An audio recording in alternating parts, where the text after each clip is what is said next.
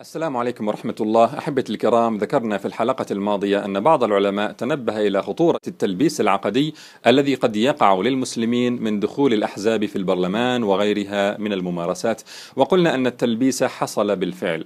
فالمطلوب من العلماء الآن هو إنكار الممارسات السياسية التي أدت إلى هذا التلبيس وقلنا أن حشدهم الناس لتأييد حزب برلماني أو رئيس يمارس هذه الممارسات يزيد التلبيس والتشوش العقدي فهذا عكس الدور المتوقع منهم. وأخذنا مثالا على ذلك كلام الدكتور محمد إسماعيل المقدم قبل الثورة ومقارنته بما بعد الثورة.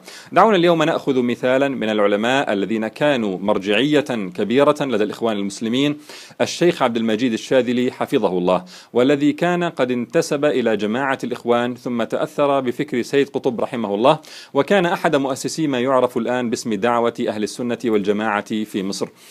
قال حفظه الله في مقاله الخطاب الديني والخطاب السياسي قال إن شرط أي تحرك سياسي أن لا يكون على حساب الوضوح العقدي ولا على حساب بيانه بل ورفع اللبس فيه.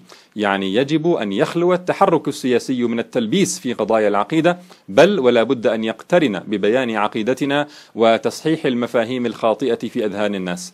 ثم قال هذا الخطاب وهذا التحرك خادم لانطلاق الدعوة وترسيخ المفاهيم العقدية الصحيحة. يعني ينبغي أن يكون هدف الحراك السياسي هو ترسيخ المفاهيم العقدية الصحيحة.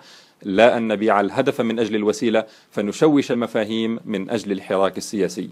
ثم قال ولهذا يشترط لأي تحرك سياسي للمسلمين وضوح البعد العقدي وعدم إقرار شرعية الأنظمة العلمانية وألا يمثل هذا التحرك خصما من الرصيد العقدي بل يكون المسلمون وحركاتهم الإحيائية على وضوح في العقيدة والتوجه يكون واضحا للعدو المخالف كما للصديق الموافق.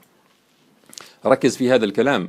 سنحتاجه عندما نرى أن هناك تصريحات يطلقها الديمقراطيون في غاية الضلال والتلبيس في أخطر قضايا العبودية والحاكمية والدساتير الوضعية وشرعيتها ومع ذلك يدافع عنها المدافعون بأنها تصريحات سياسية. يعني وكأنها معفاة من الضوابط الشرعية لأنه يراد بها مراوغة العدو. الشاذلي يقول وضوح في العقيدة والتوجه يكون واضحا للعدو المخالف كما للصديق الموافق.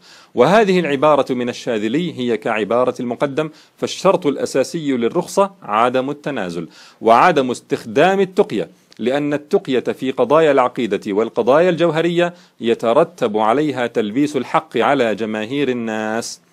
ثم قال الشاذلي إن تجربة التيارات الإسلامية المعروفة التي أخذت الحركة السياسية طريقا لها على حساب معتقداتها وثوابت العقيدة بل لم تلتفت للثوابت الشرعية بل وتنكرت لها في بعض الأحيان إلى أن قال عن هذه التيارات ضيعت من المفاهيم الواجب بلاغها وأوجدت فيها من اللبس والخلل مما سبب معوقا لحركة إحياء الأمة إذا هو يؤكد أن هذه التيارات لبست في الثوابت العقدية وأحدثت فيها خللا وبالتالي أعاقت حركة إحياء الأمة وأنا لا أدري إن لم يكن هذا الكلام عن الأحزاب التي خاضت العمل البرلماني فعن من يكون يا ترى. ثم قال إن الواجب الآن للمسلمين ليس أن يذهبوا لانتخابات مزورة مع لبس عقدي وضياع للمفاهيم الشرعية وضعف شديد للمسلمين وعدم وضوح لا لقضاياهم ولا لمواقفهم إنما الواجب بيان الحق وتوضيح المفهوم الصحيح للتوحيد ورفع الالتباس في المفاهيم والتوجهات والعقيدة عموما والجد في مشروع إحياء الأمة. وهذا الكلام منه هو ككلام الدكتور المقدم إذ قال إن تطبيق الشريعة الذي يعتد به في هذا المجال لا يبدأ من اختيار بعض الأحكام الشرعية وتقنينها وفرضها على الناس يعني العمل البرلماني. ولكنه يبدأ من إصلاح هذا الخلل الأكبر الذي تفشى روحه الدنسة في كل مرابط الأمة وهو مبدأ سيادة الأمة بالمصطلح الغربي. إذا فالنقولات عن الشيخين حفظهما الله. تتفق على أن أوجب الواجبات في هذا الزمان بيان الحق وتوضيح المفهوم الصحيح للتوحيد ورفع الالتباس في المفاهيم وإصلاح هذا الخلل الأكبر الذي تفشى روحه الدنسة في كل مرابط الأمة وهو مبدأ سيادة الأمة. وهذا هو الواجب الذي نزعم أننا نمارسه بهذه السلسلة بإذن الله سلسلة نصرة للشريعة. العجيب بل والعجيب جدا في الأمر أن الشيخ الشاذلي حفظه الله أصبح الآن يؤيد العمل البرلماني الرئاسي في مصر وحشد الناس لانتخاب الرئيس على اعتبار أن الدعوة يعني جماعته دعوة أهل السنة والجماعة رأت في الدكتور مرسي عدم تلون باسم الشريعة وإنما رأت حديثا واضحا أو حديثا عن تطبيق واضح للشريعة الإسلامية على حد تعبيره.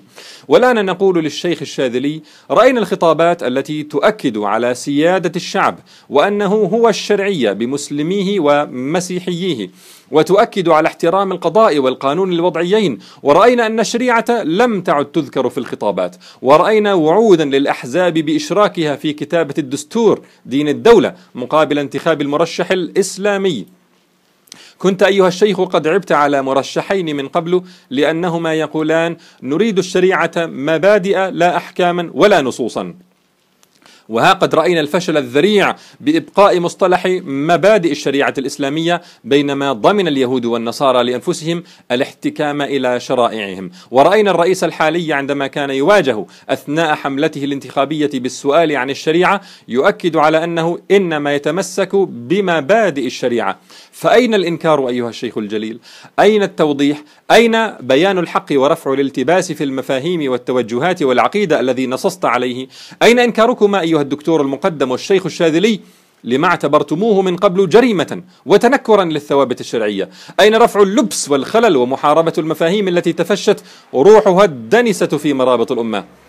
لماذا أيها الشيخ الشاذلي حفظك الله؟ نرى مقالاتك الحديثة فليس فيها أي إنكار بل تأييد مطلق وحديث عن حل المحكمة الدستورية العليا وإعادة البرلمان وغيرها من الخطوات التي لن تجدي ما دامت المفاهيم الأساسية مشوهة. كما علمتنا عندما وضحت أن الواجب ليس الانتخاب مع لبس عقدي وضياع المفاهيم إخواني كلام العلماء السابق حول تحريم التلبيس العقدي واضح.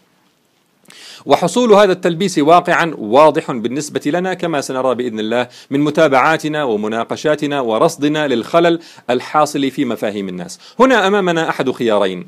إما أن نقول علماؤنا أدرى ولا شك أنهم مطلعون على الواقع حتى لو قادنا كلامهم السابق المؤيد بالأدلة إلى استنتاج أنهم مخطئون في تأييدهم للعمل الديمقراطي وسكوتهم عن الممارسات المشوشة للعقيدة فلربما بان لهم ما لم يبن لنا ولن نكون أورع ولا أحرص على الدين منهم خاصة وأن أحدهم أمضى في الدعوة أكثر من عمر الواحد منا كله. فمن نحن حتى نستدرك عليهم؟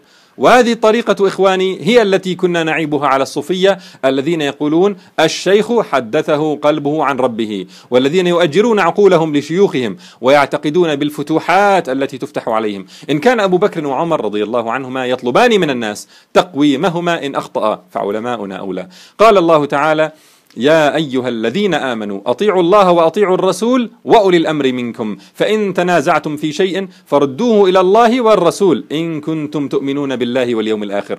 فجعل سبحانه الطاعة المطلقة لله ورسوله فحسب أطيعوا الله وأطيعوا الرسول. ثم لم يقل واطيعوا أولي الأمر منكم بل وأولي الأمر منكم. فجعل طاعة أولي الأمر الذين يدخل فيهم العلماء دخولا اوليا جعلها تابعة لطاعة الله ورسوله. ثم أكد سبحانه هذا المعنى ووضح ما ينبغي عمله إن تنازعنا مع العلماء أو تنازع العلماء فيما بينهم. فإن تنازعتم في شيء فردوه إلى الله والرسول. فالمطلوب إذن هو اتباع الدليل. فبهذا نختلف عن اليهود والنصارى الذين اتخذوا أحبارهم ورهبانهم أربابا من دون الله. بأن أحلوا لهم الحرام وحرموا عليهم الحلال فاتبعوهم. ولذلك علق سبحانه الإيمان على هذا الرد لله ورسوله. فردوه إلى الله والرسول إن كنتم تؤمنون بالله واليوم الآخر. ذلك خير وأحسن تأويلا وإلا كان مآل أمرنا كمآل أمر اليهود والنصارى. فكيف ونحن نأتي لهؤلاء العلماء بكلام من كلامهم وأخطاؤهم هذه ليست محل إجماع بل يشاركنا نظرتنا عدد من العلماء الثقات. اذا فليس أمامنا إلا الخيار الثاني وهو أن نقول أن علماءنا أخطأوا بدعمهم من ثبت واقعا أن ممارساته تلبس على الناس أمر عقيدتهم ثم بسكوتهم عن هذه الممارسات المستمرة. أخطأوا أيضا. فنحن لنا عيون تبصر وآذان تسمع وعقول تعي الدليل والواقع. بقيت مسألة واحدة نريد أن نفرغ منها. قد يقول قائل لماذا لا تعتبر أن هؤلاء العلماء كانوا مبالغين في فتاواهم السابقة عندما حرموا قليل التلبيس العقدي وكثيره وعدوه من الجرائم؟ أليس من الممكن أن يكون بعض التلبيس والتمويه على الناس وبعض التصريحات السياسية الفاسدة شرعا؟ أليس من الممكن أن, أن, تكون هذه المفاسد مقبولة مقابل مصالح عظيمة خاصة إذا كان في نيتنا العمل في المستقبل على إصلاح هذا التلبيس؟ فهذا هو السؤال الذي سنجيب عنه في الحلقة القادمة بإذن الله لننتهي من الناحية النظرية في الحكم على التلبيس على الناس وننتقل بعدها إلى قراءة الواقع وتطبيق القواعد النظرية عليها بإذن الله تعالى. خلاصة الحلقة هي عبارة الشيخ الشاذلي بنصها إن شرط أي تحرك سياسي ألا يكون على حساب الوضوح العقدي ولا على حساب بيانه بل ورفع اللبس فيه. والسلام عليكم ورحمة الله